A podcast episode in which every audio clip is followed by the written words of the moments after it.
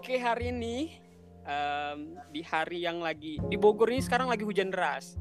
Jadi untungnya ada yang namanya aplikasi News Anchor. Jadi kita bisa saling berhubungan sama orang lain. Tapi nanti obrolannya bisa di uh, archive, ya, di archive di uh, Anchor bisa masuk Spotify juga dan berbagai media platform.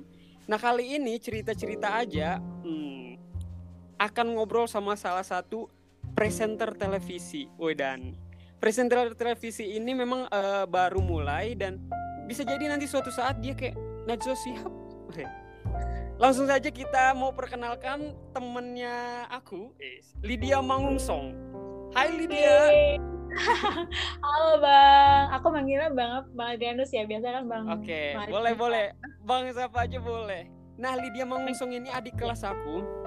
Jadi ya. kita itu dulu sama-sama di SMA Negeri 2 Lubuk Pakam. Kita beda ya. berapa tahun ya? Dua tahun atau satu tahun sih?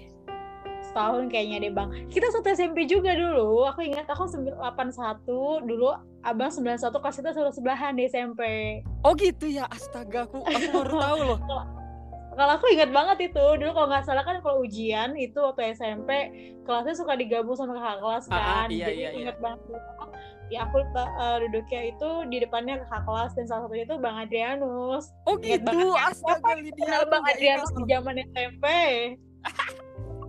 aku nggak ingat teman oh jadi kita satu SMP ya SD mu di mana iya. SD mu kalau aku SD-nya SD negeri yang di belakang SMP negeri 2 negeri 2 Lubuk Pakam agak di up dulu ya SMP negeri 2 Lubuk Pakam itu. Oh ya SMP, negeri, negeri 2, depan-depanan sama SMA negeri 2 negeri jadi 2, kami iya. itu tinggal ngesot ya. Terus Lydia ya? juga rumahnya di belakang SMA 2 lagi kan? SD-nya di belakang SMP Negeri 2 jadi SD Selangka SMA Selangka. Iya benar maju Selangka. Kita satu kampung lagi sama-sama di Lubuk Pakam satu SMP satu SMA satu, satu kuliah juga lagi iya.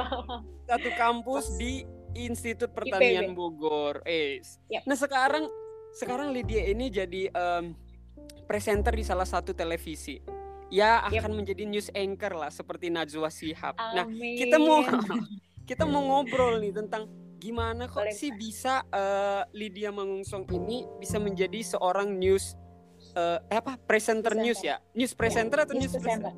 Ya. News presenter bang. News presenter. News presenter bisa, TV presenter bisa. Tapi kalau TV presenter kan lebih kayak uh, general. Kalau news presenter berarti dia presenter untuk program news gitu.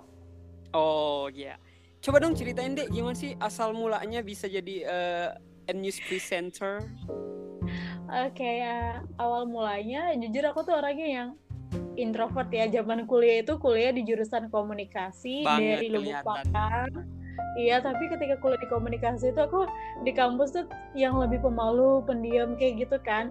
Bahkan kalau mau uh, apa namanya presentasi di depan kampus di depan teman-teman maksudnya itu di depan kelas itu suka merinding suka suka apa uh, suka gugup gitu loh bang sampai satu hmm. satu kampus itu kayaknya tahu kalau setiap kali aku uh, presentasi mereka tuh ngeliatin karena ada apa ini anaknya dia selalu gugup selalu grogi. Padahal satu kelas tuh udah ketemunya satu semester tiap hari tiap bulan even rolling tapi tetap kayak grogian gitu kan. Pokoknya nggak berani buat muncul lah di di tengah-tengah anak komunikasi gitu nggak berani tampil ibaratnya. Padahal komunikasi ya jurusannya. Ya padahal komunikasi jurusannya gitu hmm. kan. Terus aku magang lah di Trans TV di sini nih awal mulanya aku uh, berkecimpung di dunia media di dunia televisi di dunia news ibaratnya. Aku magang di Trans TV itu kebetulan masuknya divisi news dan waktu itu ada posisi uh, reporter di hmm. kedua bulan terus aku yang tertarik gitu excited pengen tahu sih selama ini kan cuma nonton TV gitu kan. Selama nonton TV gimana sih uh, kerjanya gimana sih di balik layarnya nih teman-teman di televisi apalagi program berita untuk menyajikan berita gitu kan dapatlah kesempatan magang di uh, magang sebagai reporter dan waktu itu aku berani diri untuk berani maju kayak aku mau di lapangan aja deh pak pengen liputan gitu gitu kan waktu itu. Nah pernah juga waktu kecil dulu pengen cita-cita pengen jadi presenter waktu itu. Cuman mikirnya waktu anak kecil kan eh yaudahlah keinginan anak kecil semata gitu kan. Apalagi orang lubuk pakam lagi ya. Iya orang lubuk pakam lagi yang nggak berani tampil. By the way guys lubuk pakam itu di salah satu uh, kecamatan di Medan ya? Masih kecamatan loh itu. Kecamatan di Deli Serdang Sumatera Utara. Di Deli Serdang Sumatera Utara. Ya terus terus gimana deh uh, aku magang terus aku berani dan kebetulan senior senior aku waktu itu uh, baik ya untuk ngasih ilmu. Aku ikut liputan ke lapangan waktu itu belajar cara wawancara di lapangan gimana belajar on cam gimana tampil di depan kamera gitu kan diajari sama mereka mereka yang udah senior dan yang sekarang karirnya juga uh, semakin bagus di dunia televisi kan gitu. Dan skrip uh, eh, TA aku itu juga sama mengenai uh, peliputan sebagai reporter gitu waktu itu.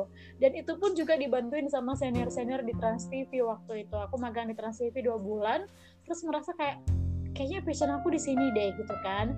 Terus uh, aku cuma dua bulan tuh akhir 2014 kalau nggak salah lulus dari IPB aku pindah ke Solo. Pindah ke Solo 2014 untuk ekstensi kan lanjutin S1 dari D3 ke S1 itu setahun itu aku masih nganggur ibaratnya masih cuman kuliah nggak ada kegiatan apa pun. Merasa kok kayak sayang banget ya gue udah kuliah eh, tiga uh, tahun D3 IPB di mana gue disiapin untuk uh, masuk ke dunia kerja tapi gue nggak manfaatin waktu untuk kerja. Melamar lah di TV lokal di Solo waktu itu sebagai reporter. Tapi di casting dia presenter. Sama sekali nggak ada background presenter sama sekali reporter cuma reporter magang gitu kan. Tapi yaudah pede aja di casting. Puji Tuhan ya justru keterima. Jadi belajarnya di situ hmm. sekolah pertama aku jadi uh, presenter. News presenter okay. di TATV Solo itu. Dan itu pun di TATV Solo aku belajar sendiri belajar otodidak. Jadi kayak di sana itu kayak nggak ada pembekalan gitu nggak ada simulasi untuk uh, gimana jadi presenter jadi ya aku belajar sendiri lihat-lihat presenter TV gimana bacain beritanya cari role model aku kalau untuk nyampein berita dengan intonasi dan pembawaannya seperti apa itu aku belajar sendiri yang lihat latih baca juga sendiri itu semua dimulai dari uh, di TV Solo aku sebagai presenter sama satu tahun dari tahun 2015 sampai 2016 sampai aku lulus dari Solo. Hmm. Tapi se sebelum sebelum itu kalau casting se casting presenter itu apanya sih yang di casting? Waktu itu untuk casting presenter itu kita di, disedia, disiapin materi berita kayak gitu. Uh -huh. Nanti kita akan bacain leadnya. Leadnya itu sebagai pengantar presenter untuk nyampein ke informasi apa yang akan mau ditampilkan di televisi paket beritanya. Jadi kita bacain leadnya. Nah aku disuruh casting untuk baca waktu itu baca. Ada ada uh, ada layak prompter tuh kayak layar. Iya, prompter tes gitu ya. Uh, iya prompter layar uh, isinya ada teks berjalan kayak gitu. Di, situ aku disuruh baca dan grogi dong diliatin sama user-usernya itu aku uh, waktu itu grogi bacanya cepet banget, cepet banget kan. aku mikir wah nggak bakal diterima nih udahlah gitu kan tetap aku tetap ya ya wajar lah nggak diterima gitu aku belum ada pengalaman gitu kan tapi justru nggak tahu kenapa puji Tuhannya diterima di situ aku tentu di program pagi subuh-subuh. Di Solo di mana aku harus udah standby jam 5 udah nyampe di kantor untuk siaran jam 6 siarannya dari jam 6 sampai jam 7 tapi aku udah harus nyampe di kantor jam 5 untuk hmm. persiapan persiapan dari make up persiapan dari nyiapin materi beritanya. Sebelum beritanya itu ditayangin uh, presenter juga bantu buat isi suara dubbing paket beritanya. Jadi jam 5 udah standby orang-orang masih pada tidur. Aku udah yang start kerja waktu itu kuliah sambil kerja selama satu tahun siaran nah. pagi siaran siang siaran sore siaran malam juga hmm. kan kayak gini nih banyak banyak sih hmm. orang-orang yang takut untuk casting casting gitu kan uh, hmm. karena kalau casting itu kan identiknya harus glowing orangnya harus uh, good looking atau gimana gimana gitu kalau di news presenter ini waktu casting uh, apakah itu menjadi hal yang paling prioritas orang yang mengcasting nggak? Iya, karena penampilan kan pas uh, penampilan bukan yang utama tapi penting. Jadi penting ketika gitu ya. buat ya. Jadi waktu casting aku juga persiapin kayak penampilan dari rambut sampai ujung kaki. Jadi berarti kalau di TV kan gimana sih look seorang presenter? Jadi aku hmm, menyesuaikan kayak gitu. I see, I see. Jadi dari, memang bener ya. Hmm. Harus penting juga kan uh, appearance-nya kita kan. Bener. Bener. Walaupun karena kan yang di TV. Hmm, iya ya. Gimana? Karena, karena kalau di TV kan kita yang dijual ya, ibaratnya yang pertama dilihat adalah penampilan kan sebelum ya, okay. isi ataupun kontennya nggak nggak menutup kemungkinan ketika kita misalnya uh, tekan uh, remote TV nih gitu kan channel 1 sama channel 2 ternyata channel 1 ini uh, presenternya menarik untuk dilihat pas pindah ke channel 2 eh, nggak mena eh, nggak begitu menarik misalnya yang presenternya itu dilihat pasti kita akan tukar tukar eh, channel kita tukar remote TV kita ke channel yang sebelumnya gitu kan. Jadi Oh iya. penampilan itu penting tapi bukan yang utama sebenarnya. Selain penampilan ada juga adalah skill Wawasan. kan sama kepercayaan diri sih. Kadang ada penampilannya oke wawasan oke tapi kita nggak percaya diri kan di di Hmm. kamera juga ataupun di TV ataupun di layar tuh pasti akan kelihatan gitu. Nah, setelah dari Solo, abis itu kamu pindah ke mana lagi? habis dari Solo aku lulus 2016 aku pindah ke Jakarta. Aku pindah ke Jakarta eh, nggak langsung berkarir di TV jadi aku kerja kantoran enam bulan itu kerja di salah satu perusahaan swasta Eh, tapi bidangnya sama di bidang eh, masih relate sama bidang komunikasi tapi aku merasa kayak passionku bukan di sini gitu kan akhirnya curi-curi curi-curi waktu kayak buat apply ke media gitu kan keterimalah Mhm. sebagai reporter di salah satu TV swasta Jakarta TV lokal Jakarta waktu itu Boleh disebutin distributor. gak itu namanya? boleh aku di Boleh. Jak TV Ya, Jak TV ya, ya 2017 2017. Tapi pernah nggak ngeplay ke Metro, eh, nggak apa-apa sebut nama ya, Metro. TV One Pernah, gitu pernah? Uh, pernah pernah kalau ke Metro pernah apply ke TV One belum pernah sih ke Metro pernah apply waktu itu bareng sama teman-teman anak media juga cuma memang belum rezekinya buat Iya, keterima Katanya persaingannya Metro. cukup ketat pernah juga ya. apply ke Indosiar juga waktu itu udah tahap sampai dipanggil di Indosiar tapi waktu itu uh, setelah dipanggil bilang keterima buat di proses selanjutnya tuh tiba-tiba nggak ada kabar lagi kayak gitu Ya, Indosiar ya. iya Eh, aku pernah nih eh, waktu itu kalau nggak salah aku nonton Metro TV. Jadi waktu itu Hmm. katanya si presenternya ini tuh dikasih eh, apartemen di dekat kantornya sehingga kalau misal nanti tiba-tiba ada headline news kayak begitu, misal tiba-tiba ada kejadian tertentu misalnya kayak banjir, eh, pokoknya entah Hmm. apa gitu kan. Nanti dia tinggal langsung datang ke studio karena studionya deket gitu. Kalau kamu eh, gimana, Lid? kalau aku nggak dapat privilege itu ya bang masih belum Oh. dapet ya karena aku kan sebagai news reporter di Jak TV dari 2017 ke 2020 itu aku eh, sebelum pindah ke ya 2017 ke 2020 aku sebagai reporter di mana aku emang banyak kegiatannya di lapangan dan itu eh, kita kan ada banyak timnya jadi emang ada shift-shiftnya gitu jadi ketika misalnya Hmm. kayak ada kejadian-kejadian tertentu ya ketika shi- shiftnya aku ya aku akan yang bakal nge-coverage kalau bukan shiftnya aku ya tim lain kayak gitu Oh iya iya iya. Jadi shiftnya itu per 8 jam per 8 jam gitu ya? Iya, 8 jam, 9 jam tergantung sih ada yang 9 jam sih kita eh, shiftnya. Enakan mana jadi reporter atau jadi yang kerja di yang jadi kantor. news presenter yang di kantornya Eh, kalau jadi eh, plus minus sih ya bang, kalau di lapangan tuh enaknya kita nggak kerasa jam kerjanya karena aku nggak yang suka Iya. di balik meja kan. Jadi kan kalau di lapangan tuh seru kita ketemu banyak orang, terus Mm-mm. bisa banyak dapat eh, link gitu kan di lapangan. Terus juga eh, jam kerja 9 jam tuh nggak kerasa karena aku sampai liputan tuh kadang ketika materi liputan yang udah selesai aku bisa mobile ke mana-mana sambil jalan-jalan gitu juga kalau di Hmm. lapangan aku bisa liputan keluar kota misalnya waktu itu ke Palembang liputan eh, Asian Games kayak gitu kan terus tapi eh, tapi nggak enaknya adalah ketika liputan eh, siang-siang misalnya ada demo itu panas-panasan tuh nggak enak Aduh, iya. nungguin. Crowded ya orang-orang kalau ada liputan kerusuhan waktu itu malam-malam demonya mahasiswa di DPR gitu kan. Di mana aku ngeliat di depan mata aku mereka ngeledakin bahan peledak eh, Aduh. apa? Mm, kayak gitu tuh di depan mata. Udah mau live tiba-tiba batal live gara-gara itu dekat banget jaraknya. Jadi kita harus nyelamat. Itu udah jam 11 itu kalau nggak salah. Nah enaknya kalau jadi presenter adalah kita nggak capek-capek di lapangan nggak panas-panasan di lapangan kan studio dingin ada AC terus eh, penampilan eh, penampilan juga itu eh, cantik ganteng gitu kan. Karena Iyalah. kan ditata di make up gitu kan. Jadi nggak nggak nggak kan namanya panas-panasan. Kalau di lapangan kan pasti agak agak buluk ya. Karena kan kena matahari capek Iyalah. gitu kan. Ah, duduk lesehan juga gitu gitu kan harus duduk nyemper kalau di lapangan. Plus minus sih tapi kalau di studio gitu kan nggak enaknya yang kita lihat adalah nggak nggak ketemu orang baru gitu kan. Yang dilihat ya cuma itu itu aja ya berarti ya. lagi studio lagi. Iya kamera studio kamera studio Tapi- cuman itu aja. pernah nggak mewawancarai orang yang menurutmu yang siapa orang yang pernah kamu wawancarai yang paling terkenal banget? Oh, kalau di wawancara yang paling terkenal siapa ya?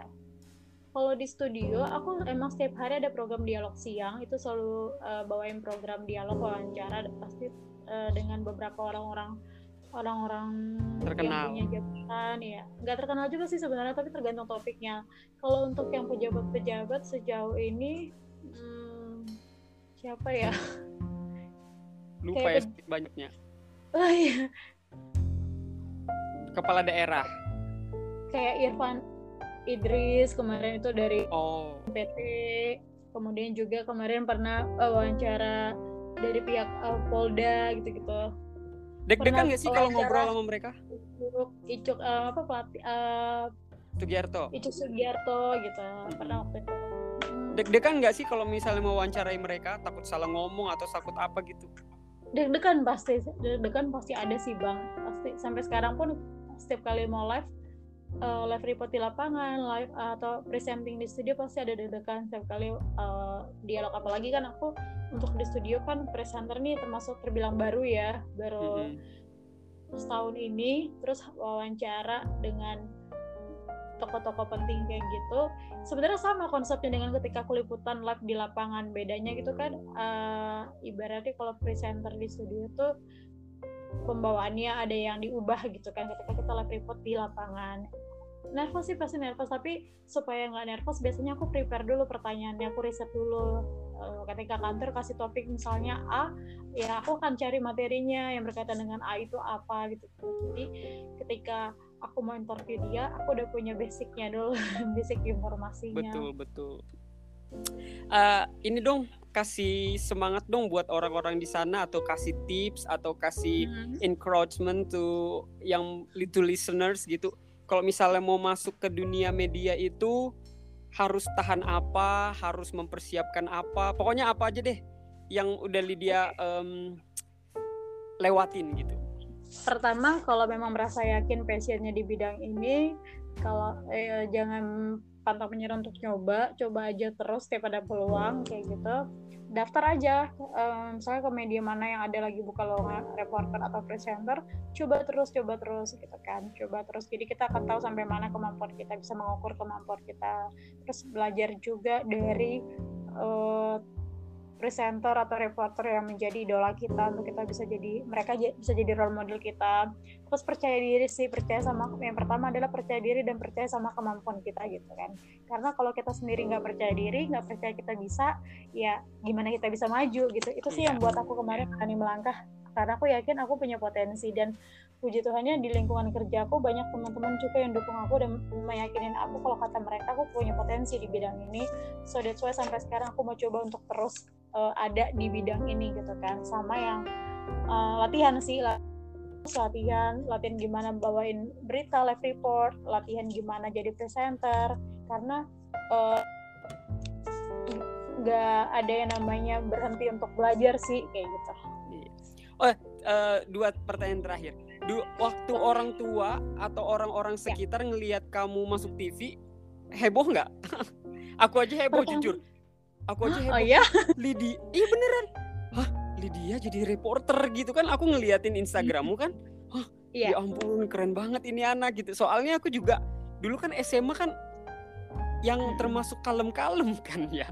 Iya, jadi waktu SMA juga nggak menonjol kan ya. Jadi ya iya, sama deh. Iya menonjol gitu kan yang paling yang paling uh, apa sih yang ibaratnya yang membuat aku bangga aku bisa ada di posisi sekarang ibaratnya membuat aku senang adalah ketika di kuliah itu teman-teman yang tadinya nggak kenal aku teman-teman yang tadinya mungkin nggak notice aku yang notice oh. aku cuma satu dosen pembimbing itu ketika kita uh, koneksi di media sosial di Instagram mereka tuh kayak pada wah dia di di TV jadi presenter jadi reporter keren ya oh. padahal dulu kayak padahal tuh kayak nggak berani tampil pemalu aku tuh pemalu banget kan di kuliah juga penampilan yang kayak ya biasa aja iya padahal anak-anak komunikasi kan cetar-cetar semua kan iya. rambutnya warna-warni.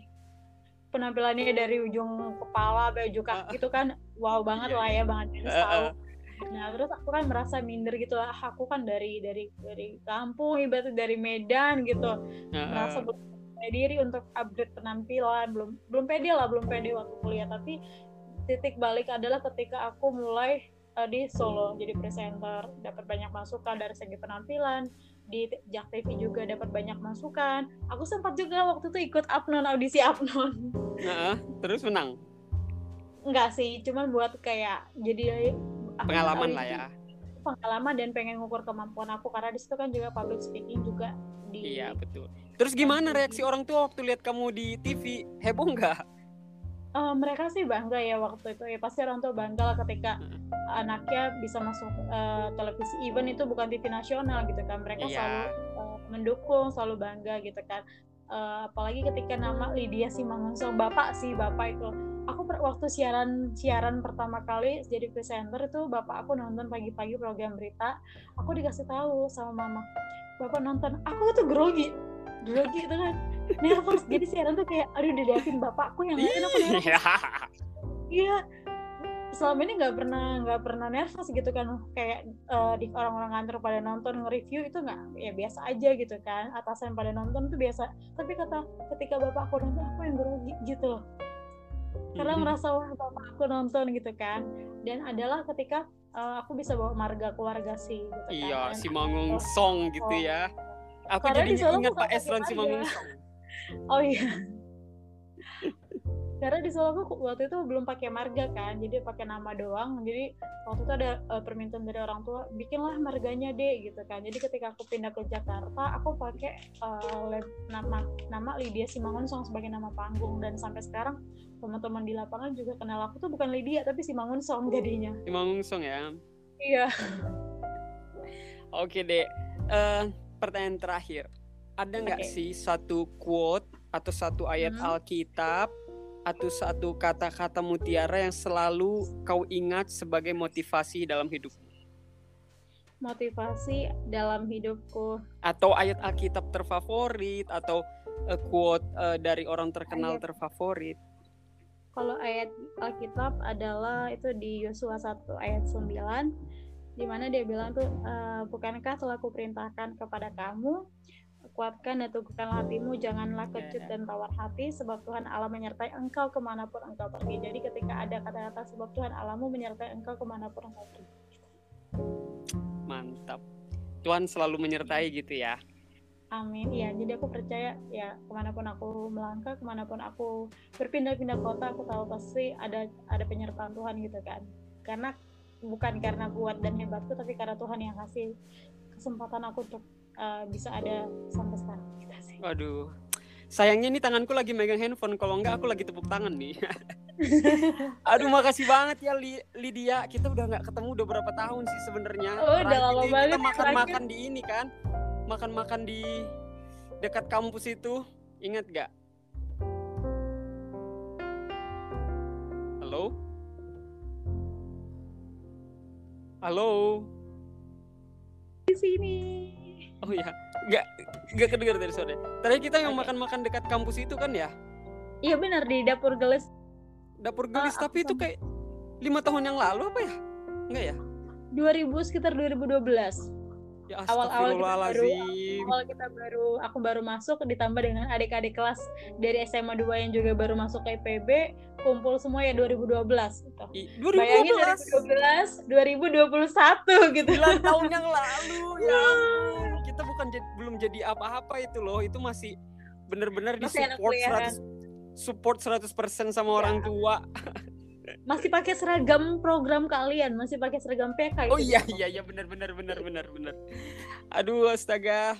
Semoga suatu saat kita bisa ketemu ya entah di Jakarta Siap. ataupun nanti waktu kita pulang kampung bareng-bareng kan rumah kita juga deket kan? Deket. Deket. Di Jakarta Sukses Bogor juga deket sebenarnya bang. Apanya? Jakarta Bogor juga deket sebenarnya. Oh iya sih sebenarnya. Tapi gimana ya? Sibuk kitanya. Iya, eh dan dan dan. Mulai nanti dia Oke. Okay. Terima kasih banyak ya Lydia buat waktunya. Aku tahu uh, kamu sibuk banget tapi menyempatkan uh, untuk masuk podcast abal-abal ini. Semoga sukses selalu ya. Katanya udah mau nikah ya? Kemarin aku iya, baca. doain Bang, puji Tuhan. mau nikah. Cie. Iya, puji Aku depan. diundang nggak? diundang pasti Oh iya diundang ya. Nikahnya mau di mana? Di Medan ya? And martupolnya di Medan minggu depan hari Sabtu Hah? Minggu Eh, depan? itu martupolnya hari Sabtu acara hanya tanggal 19 Juni Di mana? kalau acara pemberkatannya di Bekasi Oh di Bekasi. karena keluarga Aduh, calon dari Bekasi ya Berarti orang mama datang dong ke sini. iya ke sini Kapan? Mungkin nanti setelah martupol dari Medan ya bang karena kita ada acara dua acara di Medan dan di di Pakam dan di Bekasi martupolnya di Lubuk Pakam Gereja mana itu? di HKBP Lubuk Pakam Hmm. Aduh luar biasa. Luar biasa Lydia, mind blowing Kamu sangat. juga sama luar biasa thank you, thank you banget ya Dek ya. Sukses selalu. thank you bang terima kasih Lydia. Thank you. gabung sukses Sukses.